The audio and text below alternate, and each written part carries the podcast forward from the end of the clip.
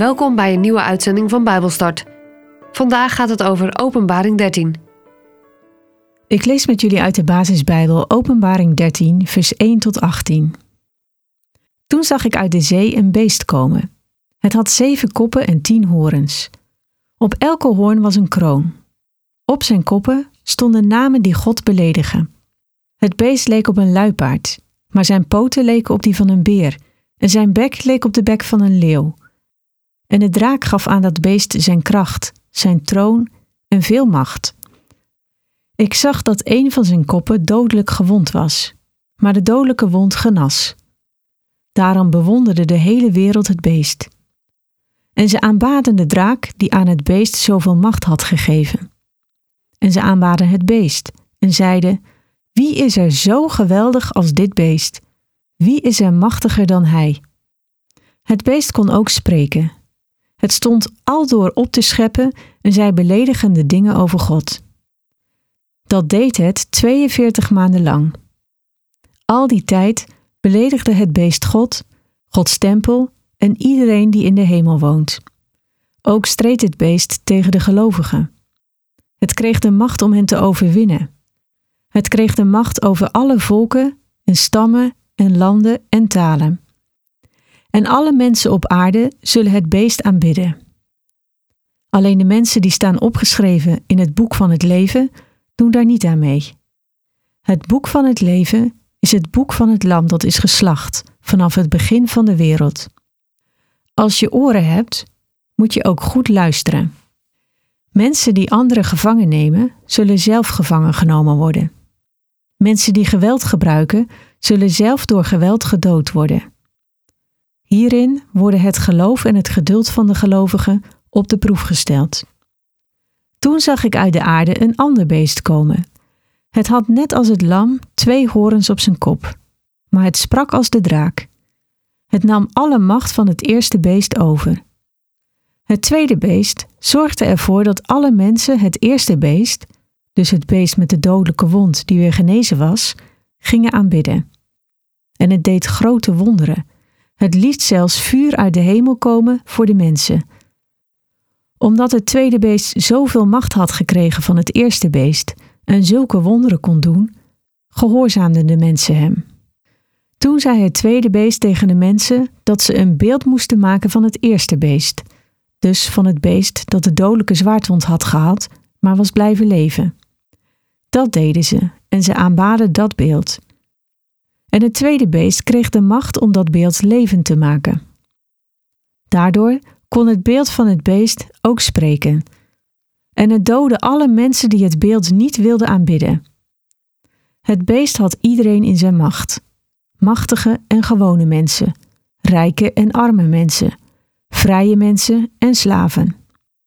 Het dwong iedereen om een merkteken op zijn rechterhand of op zijn voorhoofd te dragen. Alleen mensen die dat merkteken hadden, konden iets kopen of verkopen.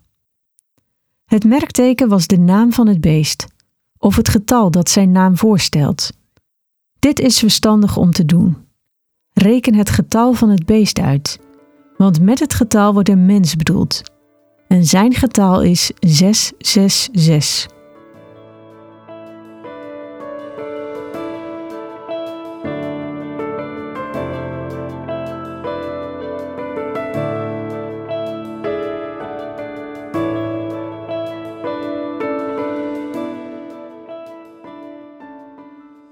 In dit dertiende hoofdstuk maken we kennis met twee van Satans slechte medeplichtigen.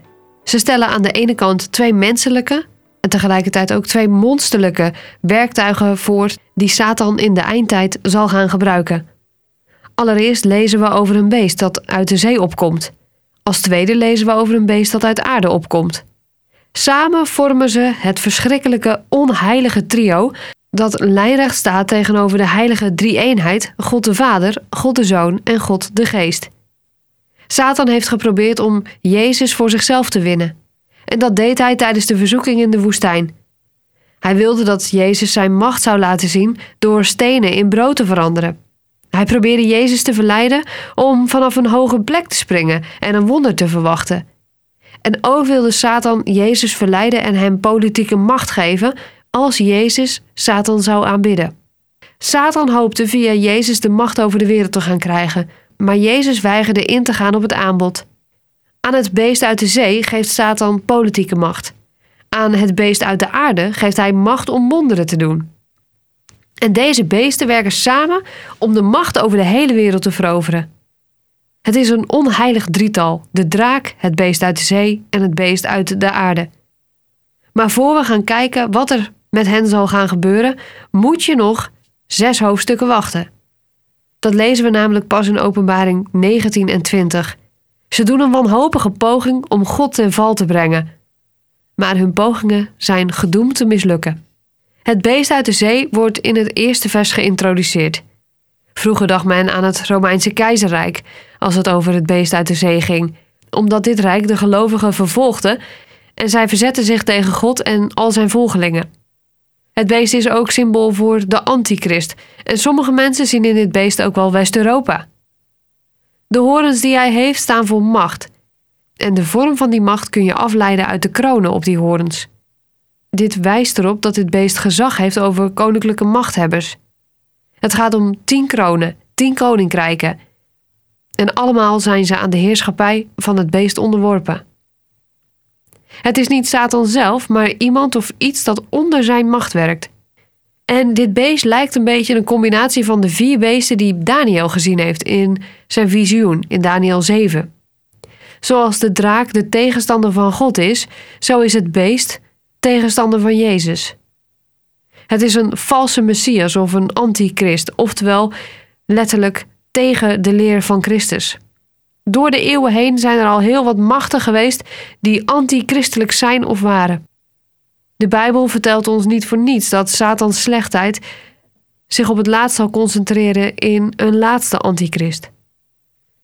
Deze zal alle kwade krachten laten samenwerken tegen Jezus en zijn volgelingen.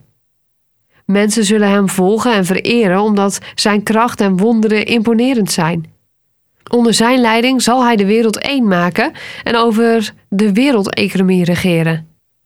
En de mensen zijn onder de indruk van zijn kracht en ze zullen de kracht op een harde manier laten zien.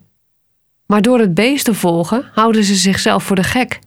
Ze gebruiken zijn macht om anderen te manipuleren, naar zichzelf te verwijzen of om zijn slechte plannen te prijzen. En God is compleet anders. God gebruikt zijn oneindige kracht om te dienen en om lief te hebben en niet om te verwoesten en te slopen. De macht die aan het beest is gegeven is opnieuw door God beperkt. Hij staat toe dat het beest maar een korte periode macht heeft. En zelfs al is het beest aan de macht, God heeft alles in zijn hand.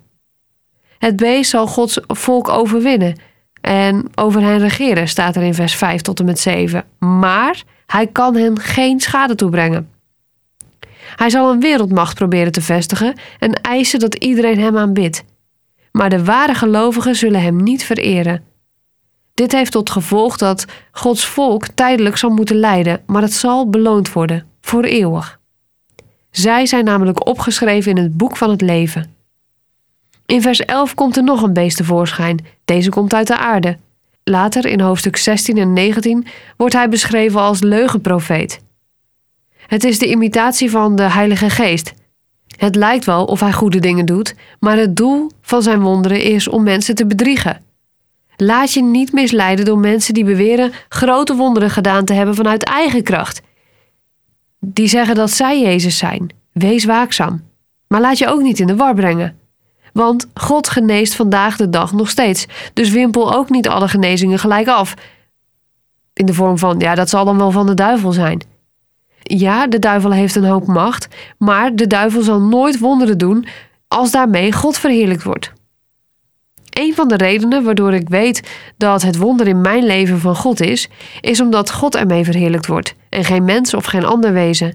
Maar ik begrijp dat het klinkt als een dunne scheidslijn. Vraag om vervulling met de Heilige Geest, zodat God jou kan laten zien welke dingen van Hem zijn en welke dingen niet. Door de hele Bijbel heen zien we dat de wonderen die gebeuren een bewijs zijn van Gods macht, van Gods liefde en Gods gezag. En ik heb het al eens eerder gezegd: de duivel is een naaper. We zien hier namelijk imitatiewonderen gebeuren, maar Hebben we dat niet al eens eerder gezien? Mozes deed in Egypte ook een aantal wonderen en de magiërs en tovenaars van de farao die toverden hetzelfde voor elkaar. De dingen die Mozes in naam van God deed, werden geïmiteerd en nagedaan door de duivel. Echte wonderen wijzen naar Jezus. Wonderen die op zichzelf staan en die niet op Gods macht wijzen, kunnen misleidend zijn. Wees daarom altijd afgestemd op God, maar denk en formuleer je gedachten niet vanuit angst. Bij elk wonder is het verstandig je af te vragen: komt dit overeen met wat God in de Bijbel zegt? Het beest dat hier beschreven wordt, krijgt steeds meer invloed dankzij zijn wonderen. En daarna geeft hij mensen het bevel om een standbeeld te maken en dat te aanbidden. Nou, dan weet je dus, dat is dus niet van God. Want dat gaat regelrecht in tegen het tweede gebod van God. Je zult geen afbeelding maken. En daarmee weet je dus al dat het dus niet van God is, mocht je nog twijfelen.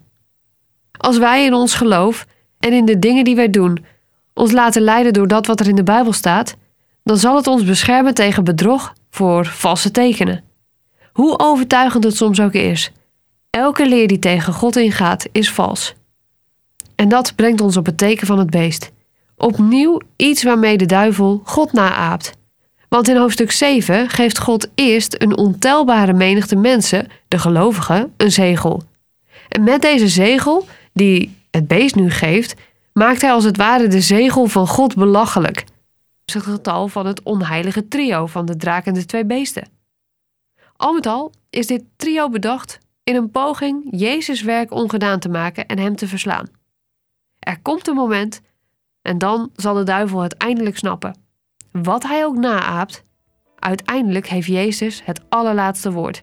Hij heeft overwonnen en zal de duivel en al zijn medewerkers en al zijn volgelingen voor goed vernietigen.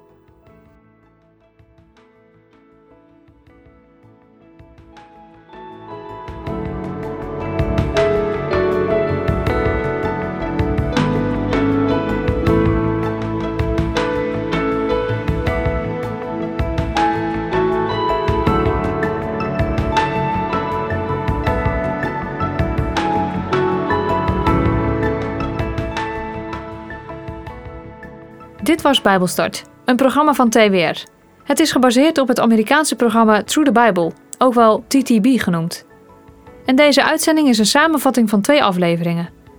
Wil je meer weten? Ga dan naar ttb.org of ga naar twr.nl/bijbelstart.